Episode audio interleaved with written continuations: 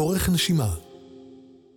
פרספקטיבה, ידע וכלים לשלום פנימי בזמן מלחמה בראי העולם האנתרופולוגי והרוחני עם שמואל שאול ואסי זיגדון.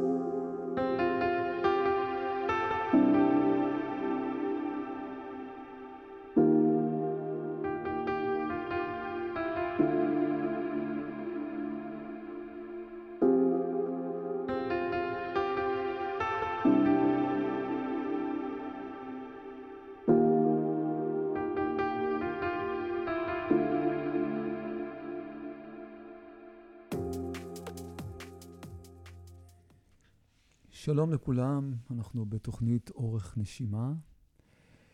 אורך נשימה, נשימה ארוכה בהתאם למצב שבו אנחנו נמצאים. ואנחנו שוב היום ביחד, אה, איריס הוד, שאיתי פה באולפן, שמואל שאול. ואנחנו רוצים לצאת איתכם לאורך נשימה, כאילו להגדיל את כמות החמצן והאוויר שנכנסת לנו אל תוך התהליך. הנפשי, הרוחני, הגופני, הכל. אז על מה אנחנו רוצים לדבר הפעם, איריס? יש לנו כל מיני רעיונות, כאילו, רצינו ללכת לשתי קצוות הפוכים, ואולי אנחנו נחבר אותם איכשהו, כי בקרוב אנחנו חוגגים ט"ו בשבט, אנחנו מקליטים את התוכנית הזאת כשבוע לפני ט"ו בשבט. וחשבנו שצריך קצת לכבד את פת שממה, את אימא האדמה, לכבוד uh, החג שלה. להגיד איזה כמה מילים על, על ההתחדשות שלו.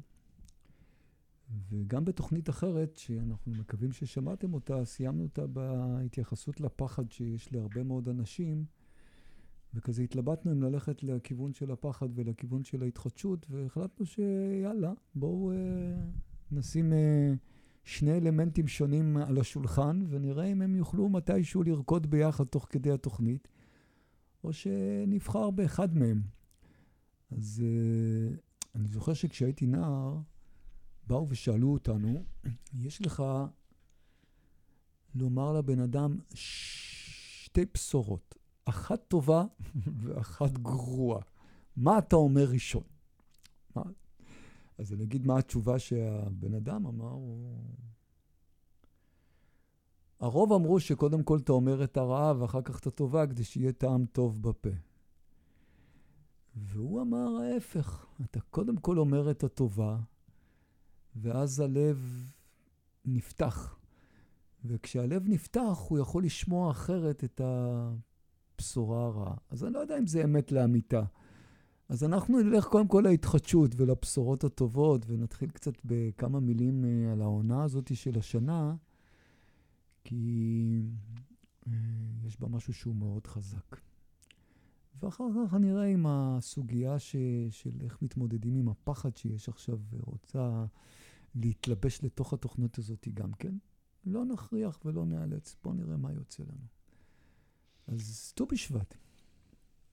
אם אני, אני, אה, איך שאתה דיברת עכשיו, זה ישר חיבר אותי לזה שבעצם אני מרגישה שהרפואה הכי גדולה שאני מוצאת בזמן הזה לרגעים של מתח ושל פחד, זה הטבע. היציאה לטבע היא ממש רפואה, זה מרומם נפש בתקופה הזאת, ו- וזה לא, לא צריך אפילו להסביר את זה. יש בזה אה, המון המון רפואה. והדבר השני שככה עלה ממה שאמרת בדברי הפתיחה, דיברת על אורך נשימה, ו... אני רוצה לדבר על, על הנשימה. הנשימה היא בעצם החיבור הכי גדול, החיבור בין היש ובין האין, בין המתח ובין ההרפייה, בין הלמעלה והלמטה. נשימה.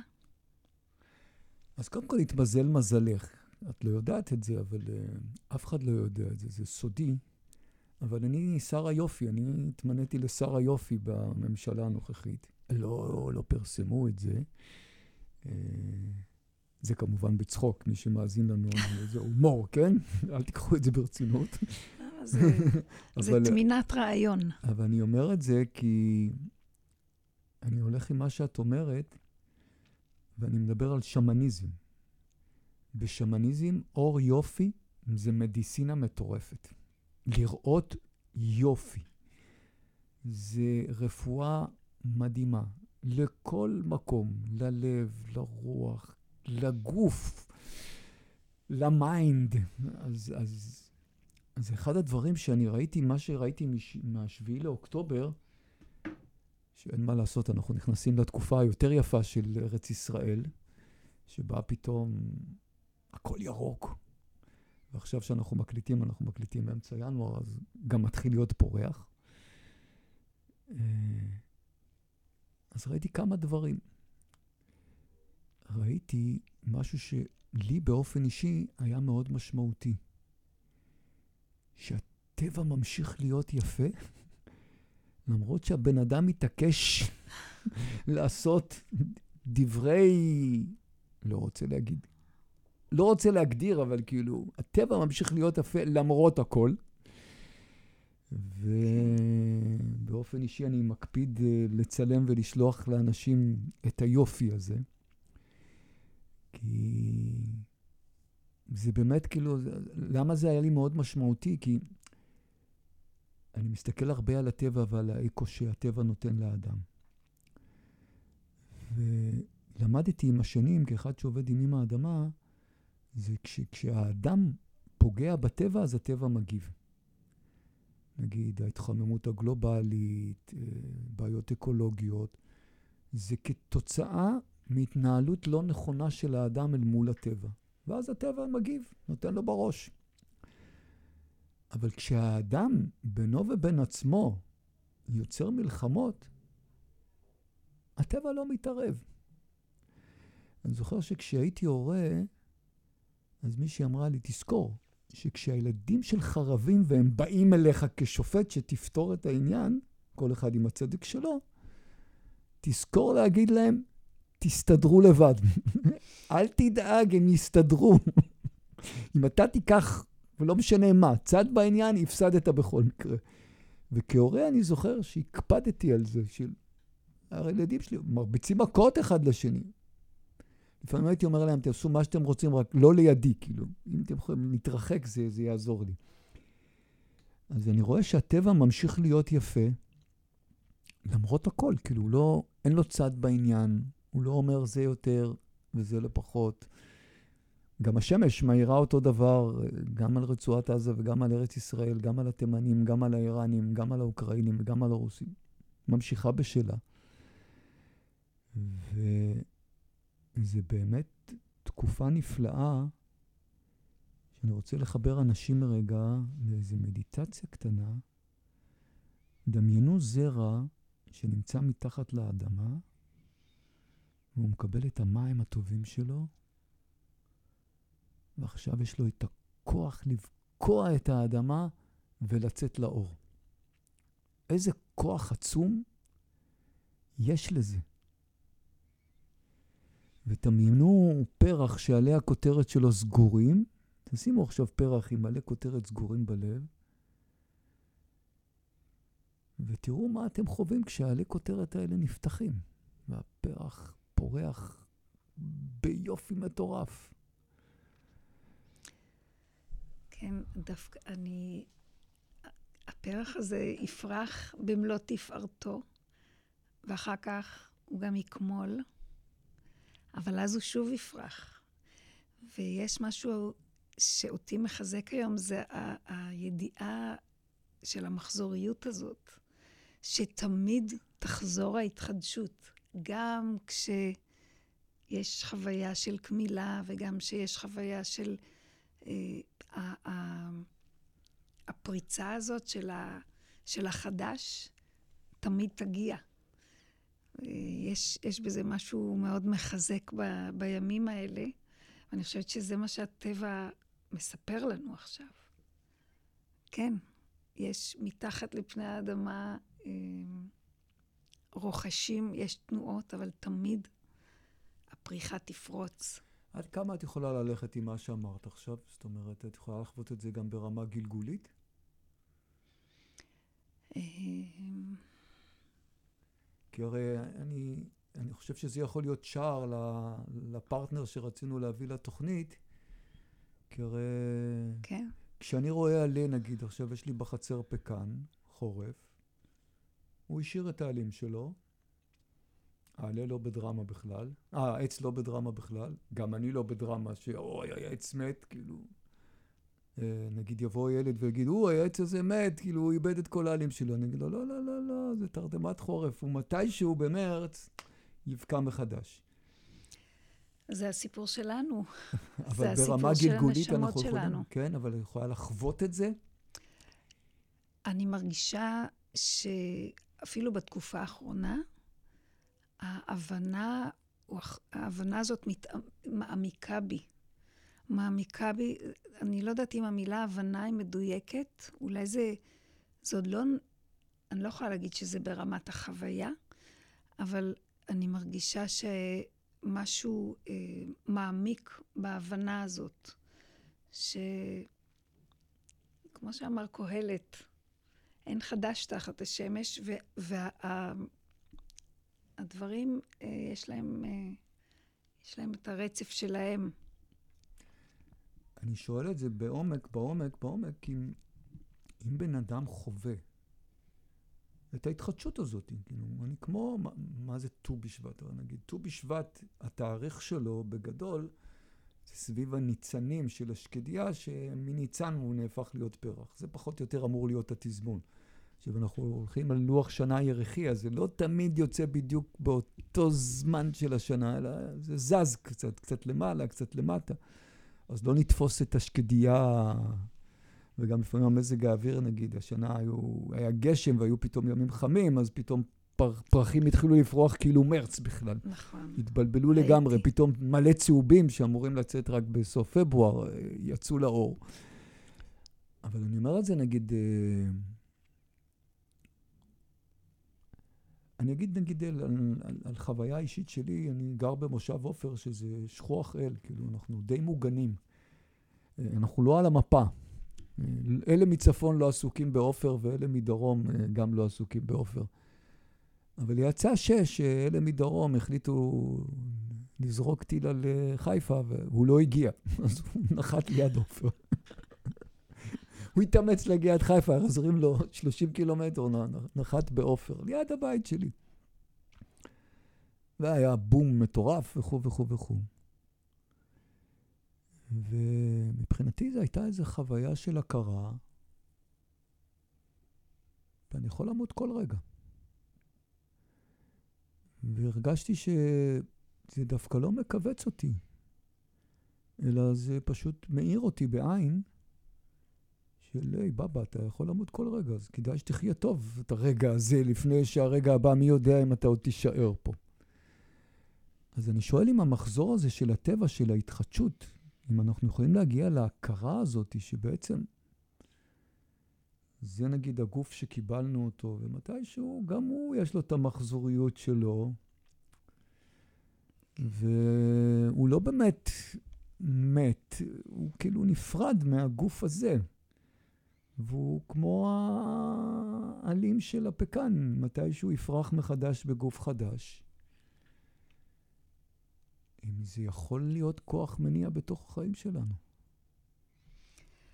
זו שאלה מעניינת, כי בעצם אתה מדבר פה דווקא על הסופיות שעוררה אותך, ויחד עם זה אתה מדבר על המחזוריות, על הידיעה שאין סופיות בעצם.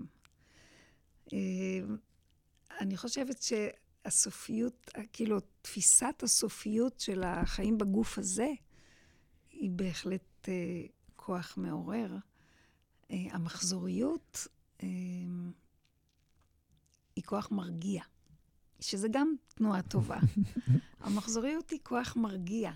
היא ידיעה ש... שאין סוף לכלום, בעצם. הייתה לי חוויה לא מזמן. אבל למה רק כוח מרגיע? כי בהתחדשות יש חיים. יש בזה תשוקה, יש בזה יצירה, יש בזה עשייה, יש בזה יופי, יש בזה אהבה. לא, אני, אני מתייחסת לסיפור שלך לאור הסכנה. לאור הסכנה. לאור הסכנה, הידיעה שגם אם משהו יקרה ואני, ואני לא אהיה כאן, אז זה, זה גם זמני. חלק ממני תמיד ישנו.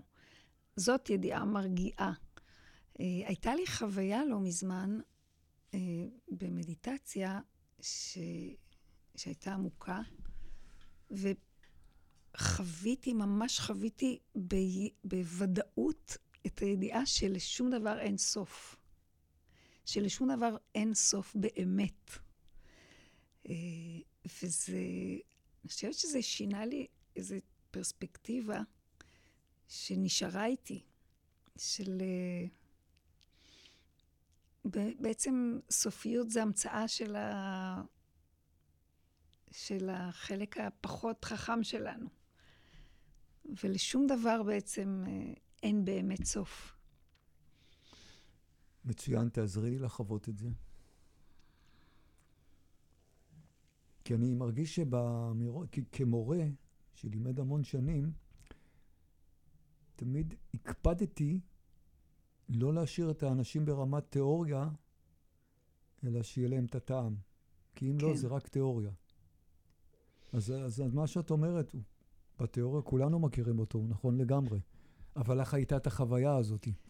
נכון. אה, זה היה בתהליך מאוד מאוד עמוק. אה, שהגיע רגע ש... שזה היה לי ברור, שזה... כשהרגשתי, הבנתי, חוויתי שזה ככה.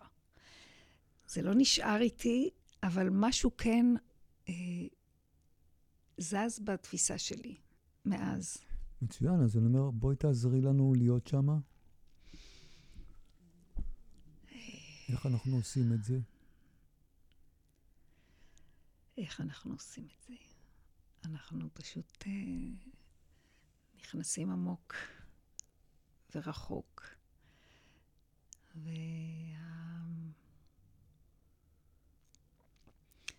ברגע שהמרחב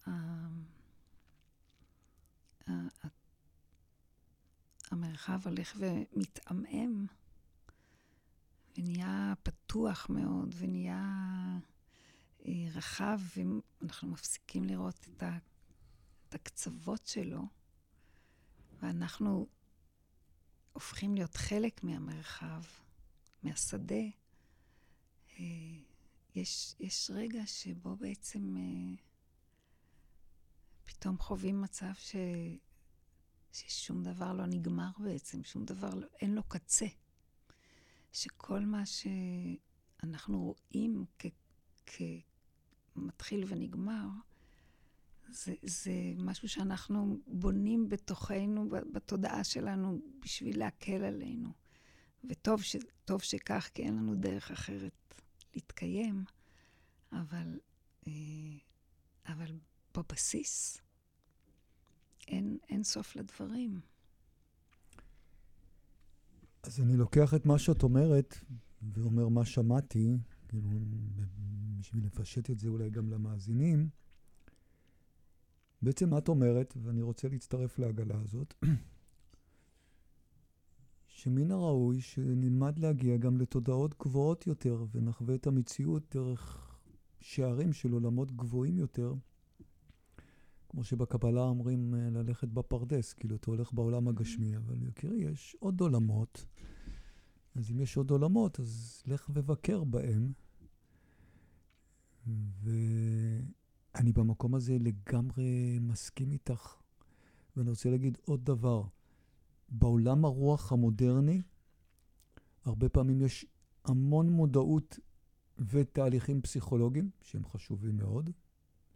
אבל שוכחים לפעמים את התהליכים הרוחניים שהם לא פסיכולוגיים, שהם...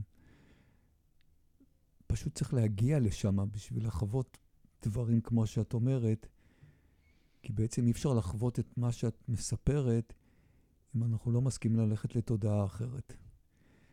אז בעצם את אומרת לנו, יקיריי, יש עולם רוחני, אתם מקשיבים לרדיו מהות החיים, סימן שמעניין אתכם גם העולם הרוחני. יש כלים רוחניים שמציעים לעבור לתודעה אחרת, ואני חושב שהכלים האלה, אני קורא להם אה, לבנות את המקדש הפנימי. מה זה אומר? זה אומר שבפעם הראשונה שהייתי בתודעה אחרת וחוויתי משהו אחר, היא הייתה חדשה לגמרי, ושמתי שם אבן. בפעם השנייה שאני אגיע לשם, אני אראה את האבן ששמתי בפעם הראשונה. ובפעם השלישית אני אראה את שתי האבנים, ולאט לאט אני בונה איזה מקדש עד שהעולם הרוחני, הרוחני, לא הנפשי, לעשות הבדל בין נפש, פסיכולוגיה, mind, רגש, לרוח, שזה העולם העליון, העולם שבו אין דואליות או אין בו סוף. כי אני מאמין שכולנו מאמינים שיש עולם שאין בו סוף, אז כל מה שאת אומרת בעצם, יקיריי, תלכו ותבקרו בו. תלכו ותבקרו בו. אז במקום הזה אני קורא לכל מי ששומע את ה... אותנו עכשיו, אה, לכו ותבקרו בעולמות האלה ותתחילו לאסוף חוויות שאני, גם מתוך ניסיון שלי, כל חוויה משמעותית כזאת שיש בה אור שלא חוויתם קודם, תשאיר רושם לשארית חייהם, לחייכם, גם אם לא תחזרו אליה מהר. יכול להיות שתחזרו אליה, כי אני זוכר בפעם הראשונה, וזה עוד היה בשנות ה-80, שהגעתי לתודעה אחרת, אמרתי, אני חייב לחזור לפה עוד פעם. זה היה כל כך מתוק, זה היה כל כך מתוק, וכל כך שקט, וכל כך צלול. ואמרתי, וואו, כאילו, איזה יופי. אני כן. רוצה, I want to come back again. ויחד עם זה, אני גם אה, חושבת שלבקר בפרדס ברמת הפשט, כלומר, אני חוזרת, מחזירה אותנו דווקא למה שקורה בטבע עכשיו, שזה כן אולי מחזיר אותנו לרמת הנפש. לרמת הנפש שהיא זאת שהיום בעצם עוברת את, ה, את רוב הקשיים. אה, אני חושבת, כמו שאמרתי, שהפרדס והצבעוניות ש, שנמצאת עכשיו בחוץ בטבע, היא מרוממת נפש באופן שממש יכול לתמוך בנפש בימים האלה, כי היא זאת שקודם כל מבקשת תמיכה. מסכים, ומוסיף שאני כן חושב אבל שאחת האומנויות שעדיין נצטרך לשכלל אותן לדעתי, זה התכתבות של עולם הרוח עם עולם הנפש. Mm-hmm. כי הרי גם אפשר למצוא מפלט בעולם הרוח ולהתעלם לגמרי מעולם הנפש ולהגיד, אה, לא חשוב, וכו' וכו' וכו'. גם את זה ראינו ב, בדרכנו. אז כן, לצאת לטבע. טוב, כל, במקום הזה נאה דורש נאה מקיים. אני יכול להגיד שאת זה אני מקיים. לגמרי. את זה אני מקיים. כאילו, הרבה בטבע, הרבה בחוץ. התקופה הזאת שהירוק בחוץ הוא עונת השקיעות, עננים, אנשים, השמיים מדהימים, כאילו החורף אה, זה עונה מדהימה, דינמית, חיה, תוססת. הללויה. ואני רוצה להכניס אבל את הפרטנר השני שדיברנו עליו, על הפחד, כי אני חושב שהוא יכול להתכתב מעולה עם זה, כי עולם הנפש שלנו, אני אומר, זה, יש לי כמה משפטים למקרר. זה המשפט שאני אומר שהמצאתי למקרר. לא המצאתי. אני לא הראשון שאומר אותו. זה לא שלי. תמחקו את זה. כן. אבל הוא משפט שהוא עדיין נכון. עולם הנפש שלי לא קשור למציאות. עולם הנפש שלי קשור לאיך אני מגיב למציאות. וזה משפט למקרר. למה? כי בתוך המשפט הזה יש שם את זכות הבחירה. לאיך אני מגיב. כי אמרת פה משהו שהוא מאוד משמעותי. הלכתי לתודעה אחרת, ולרגע בירכה אותי הבריאה ונתנה לי עדשה חדשה שלא הייתה לי קודם. לא עדשה מנטלית, תיאולוגית, אלא עדשה בלב שדרכה חוויתי דברים. גם אם עזבתי את התודעה האחרת הזאת, העדשה הזאת היא בלב שלי כבר, לעד. ואז דרך העדשה הזאת, יש לי אפשרות בחירה להגיב אחרת למציאות שלי. כן, זה נכון. אה, למרות ששוב, הנפש, אה, הנפש יודע, יכולה להיטלטל, ולא כל רגע אנחנו זוכרים שיש לנו זכות בחירה, במיוחד לא בימים כאלה, שהעוצמות מאוד מאוד גבוהות. מה שכן היא יכולה, אני מרגישה ש, שמאוד uh, מאפשר לנפש uh, לחזור ל, למרכז שלה, זה כל הדברים שפשוט אוהבים, אוהבים, כל הדברים שאוהבים, כל הדברים שאוהבים לעשות, כל הדברים ש, שמייצרים איזושהי אה, התרוממות רוח. זה בחוויה שלי, למשל, שהייה בנוכחות ילדים קטנים, עושה את זה מאוד. ילדים... שלא נזכיר למה. במאמר מוסגר, מכיוון שאנחנו בתוכנית רדיו, איריס זכתה בכמה נכדים קטנים שאני מעולם לא ראיתי, אבל אני מדמיין את איריס לידם, ואני לא צריך יותר מדי להיות מפותח בדמיוני מה קורה שם. אז, אז ילדים קטנים אה, הם מרוממי נפש. אה, כל, אפילו תחביב שאוהבים, אמרנו כבר טבע, ריקוד, מוזיקה. מוזיקה היא מחוללת uh, התעלות נפלאה. Uh, הדברים הפשוטים, הפשוטים שעוזרים לנפש גם בתוך כל הטלטלה שהיא חובה. והטלטלה היום היא בלתי נמנעת, גם כשאנחנו אימצנו עדשות אחרות uh, וגבוהות יותר להתבונן על המציאות, עדיין יש טלטלות בתוך האי-ודאות שאנחנו חיים. וה... הדברים האלה, הפשוטים, אה, אולי קצת עוזרים לגלים להיות יותר מתונים. אז אה, אני רוצה להביא דווקא אסכולה אחרת, כאילו, שנעשה איזה כזה חברותא על זה. אני רוצה להציע דווקא לתת לטלטלה מקום מלא, ולא להרגיע את הגלים. אלא לתת לגלים להיות גבוהים. לא רק לתת לגלים להיות גבוהים, להסכים שהגלים גבוהים. ואני אגיד למה אני בעד זה ו- וזהירות בתוכה. אה,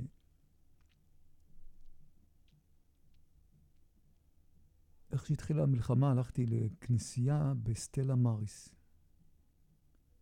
אחד המקומות הכי מופלאים בישראל. באמת, יוצאת דופן. נסיעה קטנה ופשוטה, אבל נקודה אנרגטית יוצאת דופן.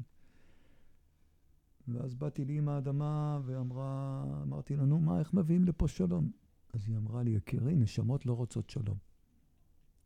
נשמות רוצות להשתנות ולהתפתח. ולצערך הרב, לפעמים הן לוקחות דינים בשביל זה. אז אם כבר הגיע דין, אל תנסה להכות אותו. הדין הוא דין. ולא רק זה, זה עוד משפט למקרר. אני מקווה שהמקרר שלכם מספיק גדול. בצחוק. אפשר לתלות על הטלוויזיה. אין טלוויזיה. במקום להדליק אותה. יש לנו מסך משנת 2010, כבר חמש שנים עוד לא פתחנו אותו, אני לא יודע למה לא זרקנו אותו. אבל המשפט הזה הוא משפט חכם מאוד בתורת הקבלה, שאומר, הדרך היחידה להפך דין למסד, דין לחסד, או להפך מר למתוק, שזה נשמע יותר יפה ברמה פיוטית, היא להסכים לחוות את הדין כדין עד הסוף. זאת אומרת, רק כשאני אסכים לחוות את הטלטלה עד סופה, אני אוכל להפוך אותה למתוקה. כי הטלטלה היא לא נגדי, היא גם בעדי, רק אני עוד לא יודע איך ולמה. זהירות בתוך זה, ואז אני חוזר אלייך. היכולת לעשות את זה, זה רק אם מצליח לשמור על כוח החיים שבתוכי רענן וחי. אם הטלטלה מדכאת אותי, או מורידה את רוחי, או מפילה אותי למטה, אז אני איתך להרגיע את הגלים. חייבים שיהיה בתוך זה רוח חיים. בלי רוח חיים אי אפשר לעשות שום דבר. חייבים רוח חיים. אז במקום הזה זה, זה איזון מסוים, כאילו... ועדיין אני אומר לאנשים, אם הנשמה שלך בחרה לעבור את, הימים האלה, אז היא מאמינה בך. כאילו, כשבן אדם בא אליי אה, ואומר לי, היה לי סיוט נוראי בלילה, חלום נוראי. אז אני אומר לו, מזל טוב פעמיים. אז הוא אומר לי, מה אתה מדבר? זה היה חלום נוראי. אמרתי לו, מזל טוב פעמיים. פעם ראשונה, זה שאם היה לך חלום נוראי, סימן שהנשמה שלך מאמינה שאתה יכול לעבור גם ימים נוראים ואתה לא רק כל הזמן בענייני מתיקות. והחוויה השנייה זה שכשאתה מסכים לחוות את הדינים האלה, אז בדרך כלל הם מאוד מעוררים, ויש בהם אחר כך אור גדול אם אתה מסכים לעבור את ההתעוררות הזו. אז אני כזה אומר, לכו על הטלטלה, תנו לה מקום עד הסוף, אבל אם היא too much, אם היא מורידה את רוחכם, לכו אל איריס. ותעשו את כל מה שהיא אומרת. אני, אני חושבת, אני רוצה להגיד את מה שאתה מציע במילים אחרות. שזה בעיניי מתח שאנחנו רוב חיינו חיים בתוכו. זה בעצם, אתה מדבר על המתח או המפגש שבין התמסרות לבין העובדה שאנחנו הנהגים ויש לנו את יכולת הבחירה. אנחנו כל החיים בעצם נמצאים במתח הזה. אנחנו מצד אחד אה, נקראים להתמסר למשהו שהוא גדול מאיתנו, ויחד עם זה להיות, להחזיק בהגה אה, ו- ולבחור, לבחור את הדרך. אפשר לקרוא לזה הכל צפוי והרשות נתונה, ואפשר לקרוא לזה אה, פשוט הליכה בשביל. וזה, זה, אני חושבת, חלק מה, מהתכלית כש, כשאנחנו מגיעים לכאן. אבל למה מתח? אי אפשר לעשות את שניהם בו זמנית, כאילו? כי הרי כל, כן, כל אני- עולם הרוח זה בעצם שני הפכים. כמו כן. שאמרת, הכל, הכל רשום והרשות נתונה. זה שני הפכים, כאילו. הם, הם חיים, רציונלית לא חיים יחדיו, רוחנית חיים יחדיו. זה מתח במובן של נקודת מפגש. Mm. נקודת מפגש בין, אה, בין כתבים, הפכים, אה, אבל, אבל כן, אנחנו פעם פה יותר ופעם פה יותר, וזה בעצם הכוח שמניע אותנו קדימה בדרך. אז נגיד, קודם כל תשמרו על הרוח הפנימית. אורך נשימה. ואחרי שיש לכם רוח פנימית, תראו מה מתאים יותר, כאילו, ללכת עם הגלים הגדולים. אני כן חושב שהרבה אנשים, ואני אגיד את זה כאזהרה, הרבה אנשים, בגלל שהם מרגישים מצד אחד שחשוב להם להיות מעורבים רגשית ומעודכנים, ומצד אחד, אין מה לעשות, אנחנו גם, זה חלק מאיתנו, אנחנו מזדהים פה. כל חייל שנופל פה זה כאילו הבן שלנו, של כל אחד מאיתנו. אז... ואם אני כאילו מרגיש שאני קצת אה, מתנתק, אז אני מרגיש אולי ייסורי מצפון, שאני לא מספיק וכו' זה, הוא לא מספיק מעורב. אז במקום הזה כן לעבוד עם איזה סוג של אמת פנימית ולהבין אה, מה הסקאלה הנכונה לי. כאילו, כי גם יותר מדי, אז אה, תפסת מרובה לא תפסת, כי אה, זה, זה, זה, אם זה מוביל אותך אחרי זה לדכדוך ולדיכאון ולחוסר הכלה, אז מה הרווחת בזה? לא הרווחת בזה שום דבר. אז שכל אדם יהיה זהיר במקום הזה, וכמות הצרכנות של הגירויים הלא פשוטים, אה, אל מול הנפש שלו, בשביל שהיא לא תפיל אותו, שהיא לא תדכא אותו, או אמרת בתוכנית הקודמת, חוסר ודאות. בוא נחזור אליו רגע. אה, פחד. פחד.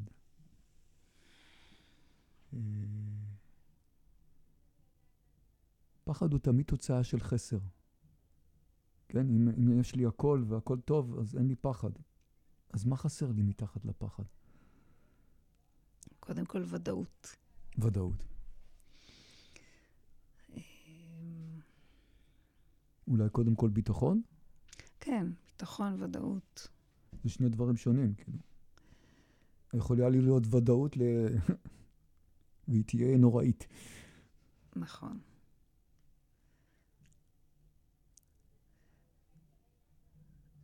אבל זה לא תמיד ביטחון. אני אומר את זה כ... כאדם שמתעסק בזה המון שנים עם אנשים. כי מתחת לפחד יכול להיות שחסר ביטחון, יכול להיות שחסר אומץ, יכול להיות שחסר תעוזה, יכול להיות שחסר אמון, יכול להיות שחסר אמונה, יכול להיות שחסר כל אלה ביחד. אה, פחד הוא, נגיד, אה, אה, ההפך מכעס זה שמחה. ההפך מאור זה חושך, אבל ההפך מפחד זה מלא דברים. אני חושבת שמכל הרשימה שמנית, זה אמון ואמונה. Mm. זה, זה מה שיושב בצד השני. מקובל להגיד שפחד עומד כנגד אהבה, אבל אני חושבת שיותר מדויק זה האמון והאמונה. שאולי בתוכם גם יושבת אהבה, אבל אה, זה מה שחסר, אני חושבת, זה מה שלפחות בימים האלה אה, מייצרת אצל רבים פחד.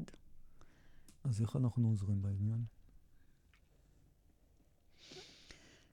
שאלה טובה.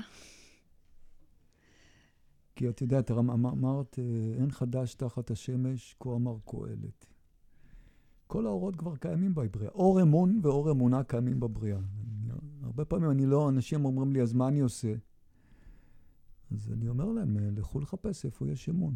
כאילו, כמו שאתה הולך לחפש מים במדבר, אתה יכול לחפש אור מסוים. זה אחלה חקירה, איפה יש אמון ואמונה. אני אגיד לך איזה משהו שאנשים לא יודעים אותו אולי, או יודעים אותו, אבל לא שמו לב לזה, לא הגדירו את זה אף פעם. אין שום מדיטציה, טכניקה, שהתוצאה שלה זה אמון ואמונה.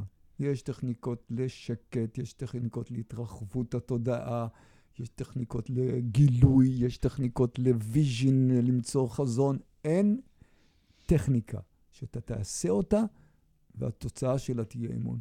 על זה נאמר, אה, הכל בידי שמיים. אין כזה דבר. חוץ מיראת שמיים. כלומר, כל הצע, החלק שלנו פה, זה החלק של האמון והאמונה.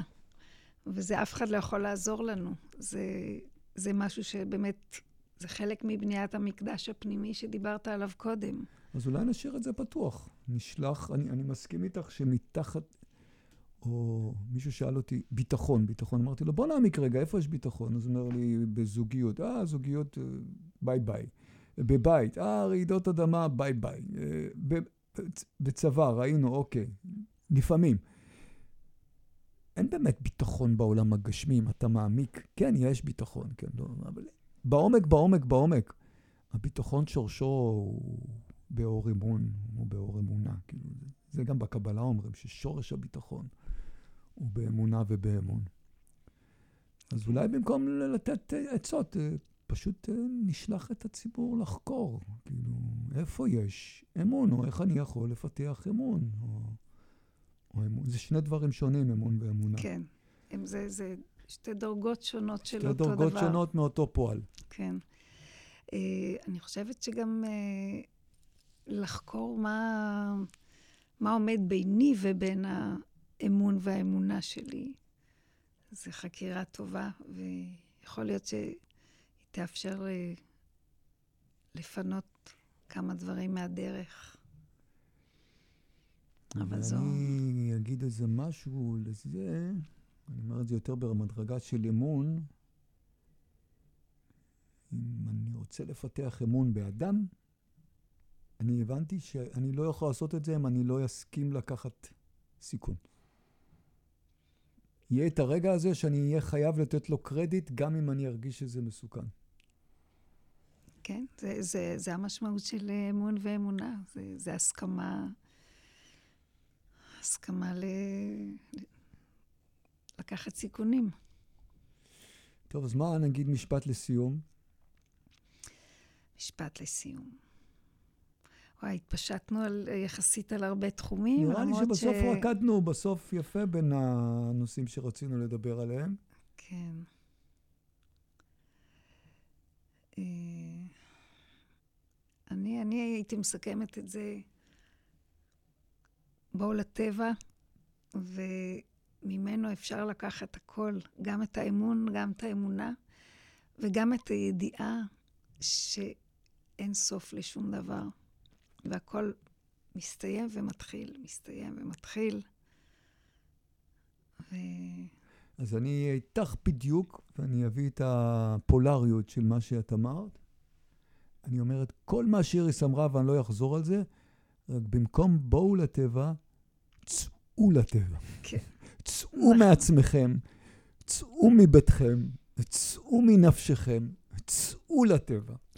אז יש לכם גם בואו וגם צאו, ביחד זה נפלא. ואני אוסיף, ואני אוסיף, הביאו את הטבע לתוככם. אמן, כן יהי רצון. אה, איריס, נעמת לי עד מאוד בשתי תוכניות שהקלטנו ביחד, ואני נושא תפילה שתבואי, תבואי שוב. אורך נשימה, תודה רבה, איריס הוד, שמואל שאול, רדיו מהות החיים. אורך נשימה פרספקטיבה, ידע וכלים לשלום פנימי בזמן מלחמה בראי העולם האנתרופולוגי והרוחני עם שמואל שאול ואסי זיגדון.